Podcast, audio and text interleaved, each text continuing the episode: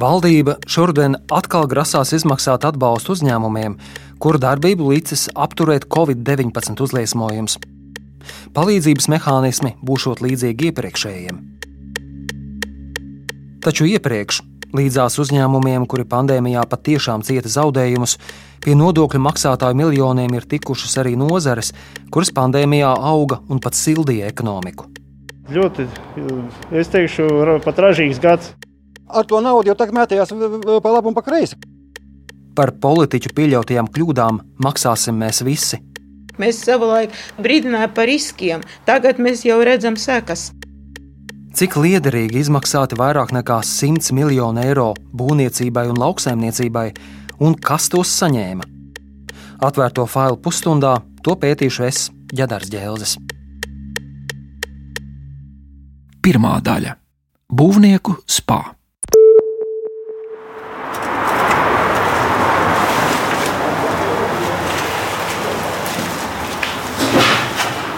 Ir darba dienas vidus, un es atrodos Rīgas centrā, pie kādas vēsturiskas daudzstāvu mūra ēkas.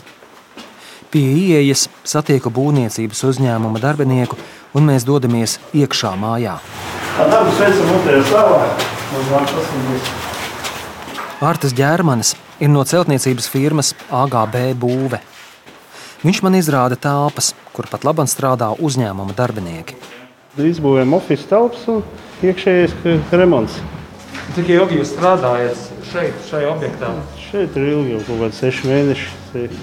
Diezgan pailgi. Mēs baigi nespiež uz termiņiem un lēnām garā strādājam. Un, bet nu iet jau viss uz finišu, jau var redzēt, jā. Pamazītiem. Artes ģērmanis stāsta, ka otrā stāva telpu remontu varētu pabeigt mēneša laikā.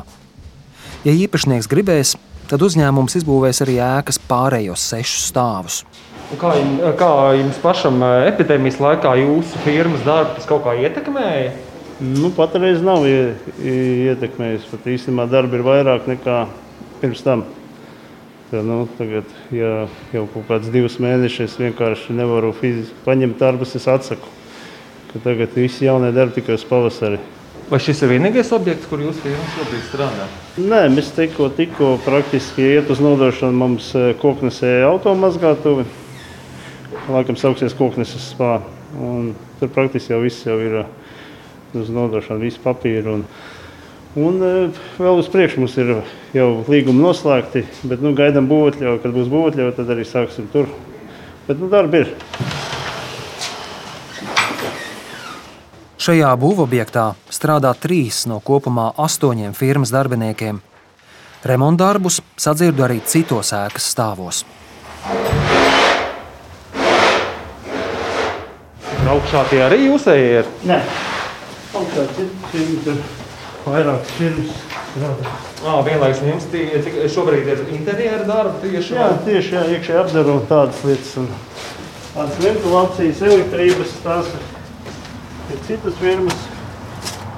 Santehnika arī citas firmas. Bruģi rekur uzlika, jā, un tā arī bija cita firma.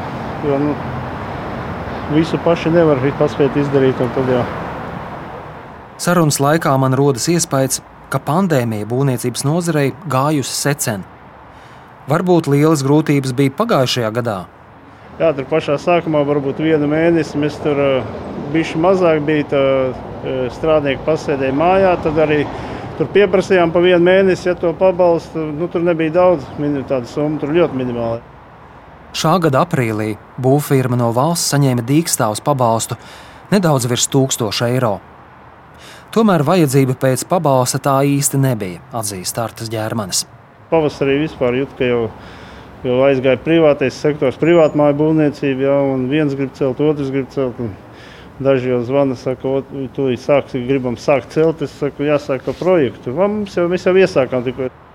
Par spīti pandēmijai, būvnieki daudzo pasūtījumu dēļ strādājuši atrotītām piedurknēm. Nē, nu, aktivitātes ziņā jā, ļoti, es teikšu, pat ražīgs gads.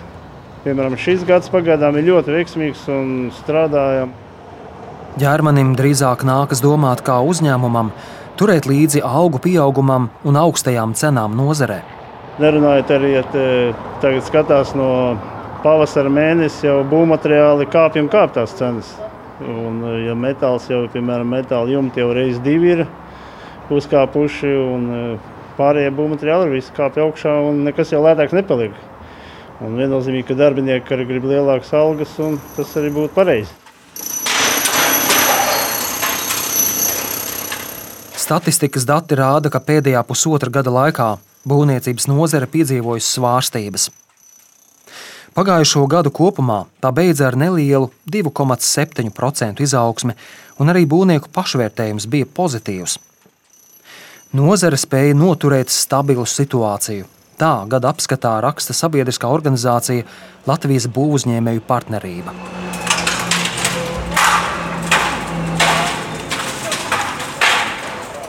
Šā gada sākumā gan bija lejupslīde. No janvāra līdz martam celtniecības apjoma nokrita par apmēram 12%. Latvijas banka secināja, ka tas notika vairāku iemeslu dēļ. Pie vainas bija gan bargā zima, gan pandēmijas iespējā sarukušās būvmateriālu ražošanas jaudas un problēmas loģistikā. Taču pavasarī nozara atkopās, un pirmajā pusgadā kopumā tā attīstījusies par nedaudz vairāk kā 1%. Tātad skaitļi liecina, ka nozarei šajā laikā ir klājies labi. Sava loma tajā ir arī valsts pasūtījumiem, ar kuriem valdība izlēma sildīt ekonomiku. Par spīti tam būvniecības firmas tika arī pie lieliem valsts pabalstiem. Kopš pagājušā gada nogales Būvnieki saņēmuši vairāk nekā 76 miljonus eiro trīs dažādās atbalsta programmās. Tās bija domātas, lai biznesam atlīdzinātu pandēmijas radītos zaudējumus. Valsts ieņēmumu dienests lielāko naudu izmaksāja, lai uzņēmumiem kompensētu apgrozījumu kritumu. Būvnieku saņemtās summas svārstās no dažiem desmitiem līdz pusmiljonam pusmiljonu saņēma trīs uzņēmumi, savukārt 450 tūkstoši tika divām firmām. Viena no tām ir Abora.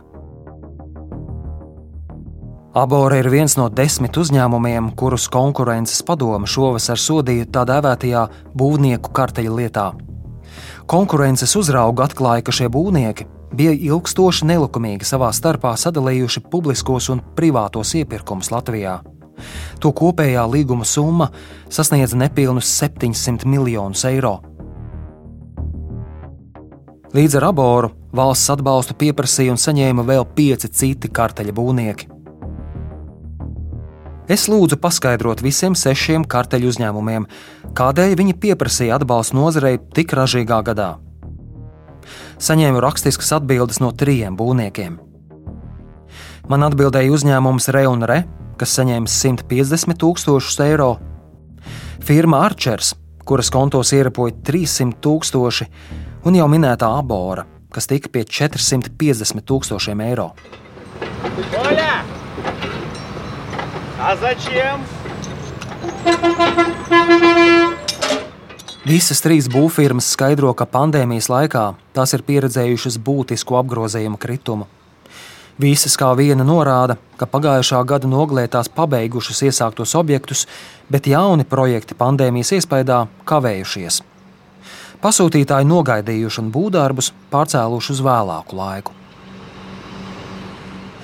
Uz grantu apgrozāmiem līdzekļiem varēja pretendēt, ja apgrozījums bija samazinājies vismaz par 20% salīdzinot ar laiku pirms pandēmijas. Katra no būvfirmām iezīmē arī kādu īpašu apsvērumu.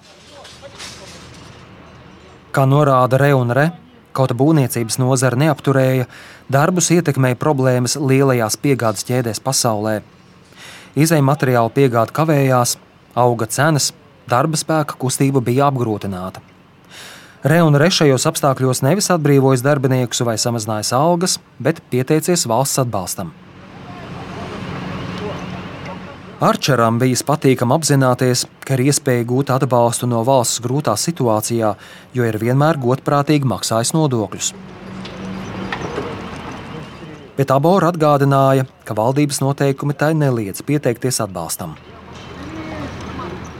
Pārējie trīs karteļu uzņēmumi - Velve, Latvijas energoceltnieks un skonto būve, kura no valsts budžeta kopumā saņēma 800 tūkstoši eiro, uz maniem jautājumiem neatbildēja.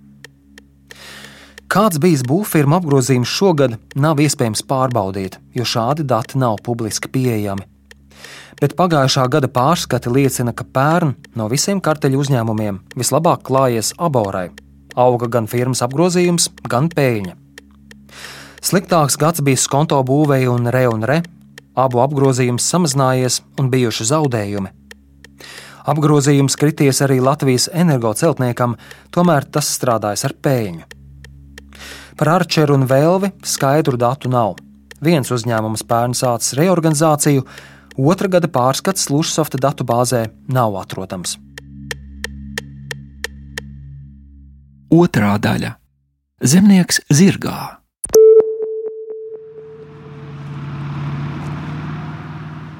Desmitiem miljonu eiro lielas kompensācijas pandēmijā ir saņēmusi arī lauksaimniecības nozare. Lai noskaidrotu, kā šajā laikā lauksaimniekiem ir klājies, esmu atbraucis uz Brunavas pagastu. Tas atrodas pie pašas Lietuvas robežas, apmēram stundas brauciena attālumā no Rīgas. Uz kukurūzas lauka no tāluma redzu kombāinu. Tas nopļauj kukurūzu, Uzreiz to sasmalcina un zaļo masu ieber smagās automašīnas kravas konteinerī, kas brauc blakus. Pie kombāna stūres sēž Jānis Straģis. Viņu satieku darba dienas vakarā. Pārstāvu zemnieku saimniecības krišāņu. Esmu īpašnieks, vadītājs. Audzējam graudus, rapšus, nodarbojamies ar lopkopību. Kundze nodarbojās ar aitkopību, būvējam sierus, Vēl ir dažas nozares, kā biodīzeļa ražošana, mazliet arī darbojamies. Jā. Tad arī spiežam no rapša sēklām raušus priekšgočām barībām. Jā. Barībai, un tā tad radās pārēļa, un tāpēc ir tā biodīzeļa ražošana. Jā. Un tās arī tās pamata nozarītes, uz kurām tie krišāņi balstās. Jāņa Straģa saimniecība apstrādā nedaudz virs 700 hektāriem zemes. Pirmais jau ir tātad laika apstākļi, kas ļoti būtiski ietekmē lauksaimniecību. Jo nu, izdarīt var visu, jā, izdarīt var perfekti, nomēslot, nomiglot, jā, veikt visas auga aizsardzības pasākumus. Jā. Bet, ja tad, kad vajag sauli, ir lietus, vai arī otrādi, ja vajag lietu un ir saule, jā, un žāvē ārā, un nekas nenāk augšā pavasarī, nu, tad, tad tas ir tā, nu, tā ir viena no pamat problēmām. Nu.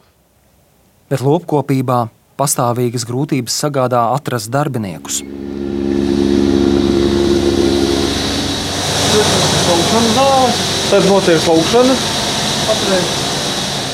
Edgars ir viens no apmēram 30 darbiniekiem, kas ikdienu strādā Jāņa Straģa saimniecībā. Edgars man izrāda govju fermu. Kopā ar kolēģiem viņš aprūpē vairāk nekā 300 govju. Viņas slauc no rīta un vakarā. Tas viss mehanizēts. Tas viss notiek mehanizēts. Pieniņš aiziet pa vadu uz baseinu. Kāda jums pašam ir darba diena? Cikos jūs tejaties un cikos uh, jābūt nu, darbā? Pirmdien sanāk, kad man jānāk jau piecos nāk uz darbu. Tad es tīru to fermas tīra traktoru. Un tad man vēl jāpakaist tie lopi ir. Nu, kā kur vakar tad aizēju? Piecos mājas, sešos kā tas sanāk. Tad ilga mājiņa, vai ne? Nu jā, bet tas tikai pirmdien, piekdien sanāk tie garākie rīti. Tā jau parasti tā no astoņiem jānāk uz darbu. Tad jau izbukuši draudēns jau ārā. Jau, jau staigā jau. Aha. Viņas nāk izbukuši. Kad pērn sākās pandēmija, Jānis Straģis bija visvairāk satraucies tieši par Edgars un viņa kolēģiem. Lielākais kreņķis pirmajā brīdī bija ferma, ja, ka tur tiešām nav tā, ka nu, nenoveļās visi pēc kārtas, ja, un ka nākas, nākas darbi. Ja. Kad bezmaz vai pašam jāiet un jāslēdz kopš, ja, un viss jādara. Bet par laimi tur viss bija ok. Nu, Paslimoja, tiešām cilvēks slimoja. Bija tā, ja, kad nu, kādi trīs, četri man tā tīri nopietni paslimoja. Viņš stāsta, ka izbīles bija tas, kas arī visvairāk ietekmēja saimniecību. Vislielāko ietekmi atstāja tieši tas pirmais vilnis, ja, kas bija. Ja. Nu, tad, tad bija vai nu tas vispārējais šoks ekonomikā, arī, ja, kad visi bija sabijušies. Un, nu, būtībā tad arī bija tas, tas lielākais tas zaudējums. Ja. Piena cena nokritās, cik beigās ar pašiem kolēģiem, nu, partneriem, pārstrādātājiem, cik runājām. Nu, jau pat laikam pat nebija pamata, tomēr ja, tas tā vairāk tāds tīrs šoks, kas nu būs, kas nebūs. Pat labam viņš nekādas grūtības vīrusa dēļ neizjūt. Pēc tam tā cena atgriezās daudz maz normālā līmenī, tad vēl tā kā piekāpās. Un, nu, būtībā nu, tas arī bija tas lielākais iespējas, ja, kas Covid iespējas. Ja. Nu, citādi, nu, es pat teiktu, viņš īpaši neietekmē šobrīd. Ja.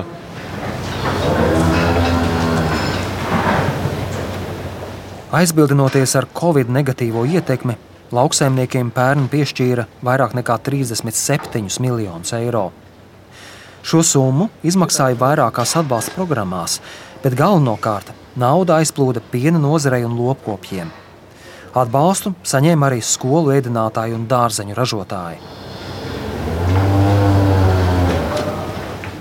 Lauvas tiesu, jeb apmēram 26 miljonus eiro, lauksaimnieki saņēma automātiski. Tas nozīmē, ka viņiem uz pabalstu nevajadzēja pieteikties. Lauku atbalsta dienas to vienkārši pārskaitīja uz kontu. Jāņa straģa saimniecībai šādi pienācās vairāk nekā 50 tūkstoši eiro. Un tas bija gadā, kad staģa saimniecība apgrozīja vairāk nekā 1,2 miljonus eiro un strādāja ar peļņu.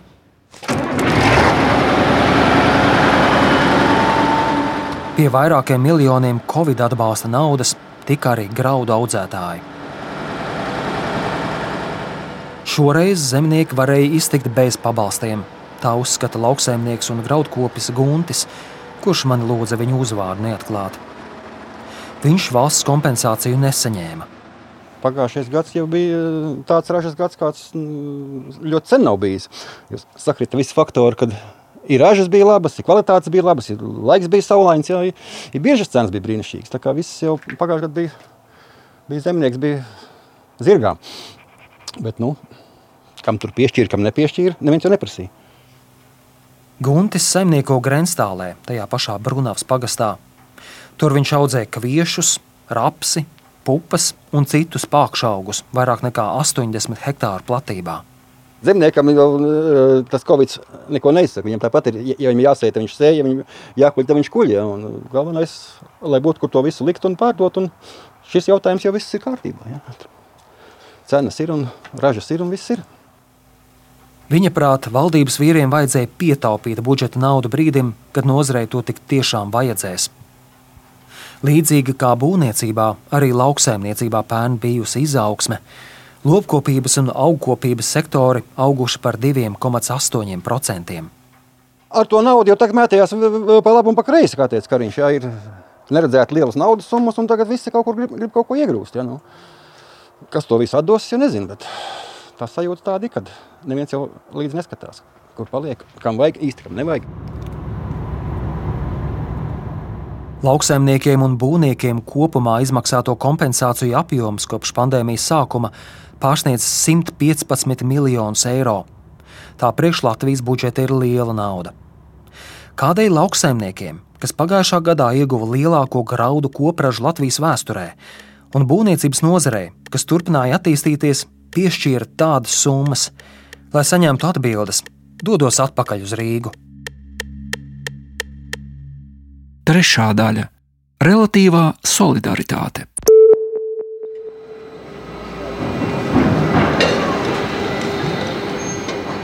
Kad pērn martā Latvijā sākās pandēmija, valdība izveidoja sarakstu ar tām nozarēm, kuras strauji nonāca naudas grūtībās. Dīkstāvs dēļ smaga cieta turisms, viesnīcu un ēdināšanas sektors, avio pārvadājumi, kultūra un citas kopumā 40 nozares. Ne lauksaimniecība, ne būvniecība starp tām nebija. Tomēr vēlāk valdība pārdomāja un nozaru sarakstu svītroja. Pieteikties valsts naudai varēja arī būvnieki. Līdz šā gada rudenim biznesam tiešā veidā subsīdijās un grantos izmaksāta gandrīz 670 miljoni eiro. Būvnieki no tā dabūja devīto daļu. Ekonomikas ministrs Jānis Vitsenbergs uz aicinājumu sniegt interviju neatsaucās, bet tikos ar ekonomikas ministrijas uzņēmējdarbības konkurētspējas departamenta direktori Ilzi Lori. Viņai arī jautāju, kādēļ būvnieki saņēma atbalstu. Pateikt Latvijas uzņēmumiem, ka jūsu nozare tāpēc nesaņems atbalstu, ka jums vienkārši pēc fakta klājas labi, manuprāt, ir nepareiza retorika. Viņa stāsta, ka atbalstīja tikai tos uzņēmumus, kuriem bija apgrozījuma kritums, bet kopējā ekonomikas aina tobrīd nebija skaidra. Man ir jāsaka, atklāti, mēs rūpējamies, lai mums šī ekonomiskā aktivitāte notiktu, lai mēs viņu saglabātu. Līdz ar to tajā brīdī šādi dati nebija pieejami, kad notiek strauja izaugsme vienā no sektoriem. Dati liecināja par pretējo. Bet vai tas bija solidāri pret tām nozarēm, kas bija dīkstāvē un cieta lielus zaudējumus? Izsniegtais apmērs, manuprāt, tomēr neliecina par solidaritāti. Jebkurš uzņēmums, kas bija krīzes ietekmēts, viņš varēja pieteikties šim atbalstam. Līdz ar to tā proporcija attiecīgi nu, veidojās tie uzņēmumi kas tiešām jūta vajadzību, viņi atnāca pēc šī atbalsta. Un, un tie, kas jūta, ka viņiem ir pietiekami daudz uzkrājumu, droši vien arī nenāca pie valsts. Tuvākajos divos gados Latvijā sāksies vērienīga būvdarbi, tā skaitā pie Rail Baltica projekta. Nozarē ieplūdīs liela nauda gan no Eiropas Savienības atvesaļošanas fonda, gan no daudzgada budžeta. Tādēļ dāsni subsidēt būvniecības nozari bija valdības kļūda, uzskata Fiskālās disciplīnas padomas vadītāja Inna Steinbuka. Nu, praktiski tā nozares pārkaršana jau notiek. Mēs savulaik brīdinājām par riskiem. Tagad mēs jau redzam sekas. Un sekas ir tādas, ka nenormāli pieaug cenas. Steinbuka prognozē, ka būvniecības izmaksas turpinās pieaugt, tādēļ valdībai nevajadzētu naudu vienkārši ierakt betonā.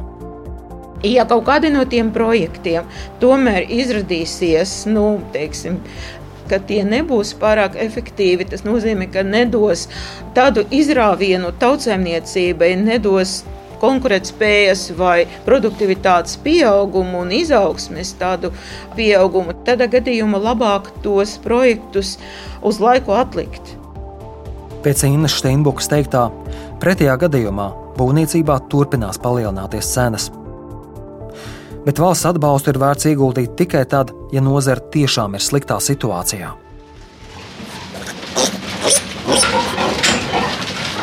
To vai zemkopības ministrijas sarūpēto naudu, 37 miljonus eiro, vajadzēja izmaksāt lauksaimniekiem, vērtēja valsts kontrole. Revidents secināja, ka neviens nevērtēja, vai zemniekiem nauda tik tiešām ir vajadzīga. Turpina Inga Vilka no valsts kontrolas. Jāsaka, tā jau arī Finanšu ministrija regulāri apkopojot informāciju, kāda dažādās nozarēs ir pievienotā vērtība iekšproduktā.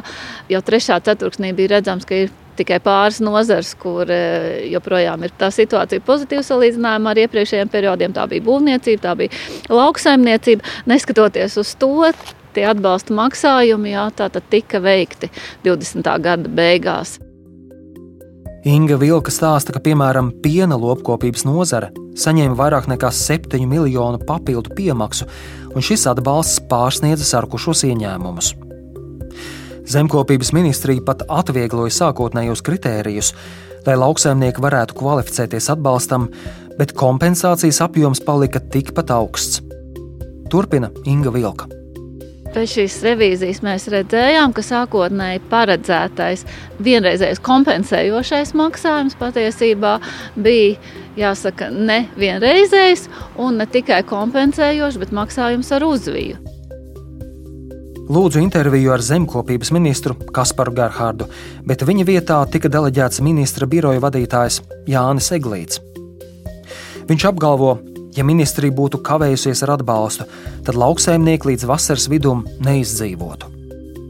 Bija jārīkojās strauji, uzreiz, Un, ja mēs pieņēmām lēmumu, ka mēs sniegsim šo atbalstu visām saimniecībām konkrētajā nozarē, kur iestājās šis kritums nozarē, jo mēs sapratām, ka mums e, papildus izveidot šo Covid vērtēšanu sanāks valstī dārgāk nekā varbūt kādai saimniecībai arī nu, kādu eiro pārmaksāt.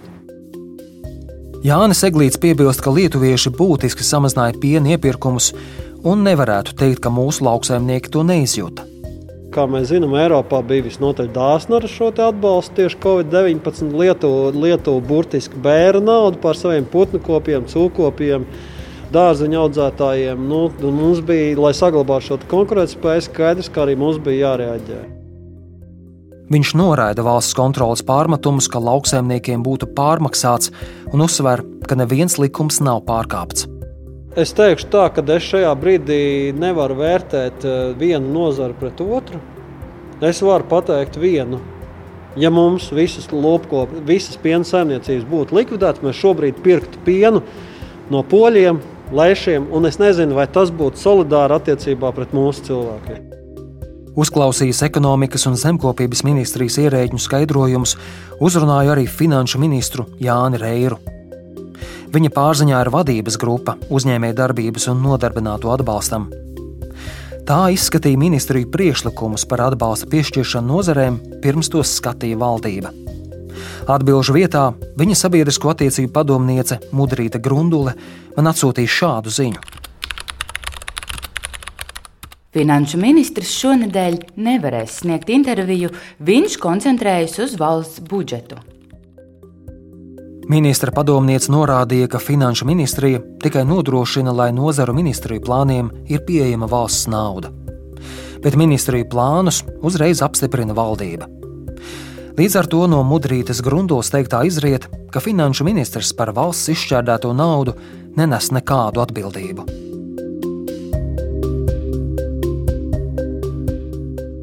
Kopumā pandēmijas seku mazināšanai Valdība ir iztērējusi nedaudz vairāk kā 3 miljārdus eiro, un galvenokārt tas ir uz valsts parāda rēķina.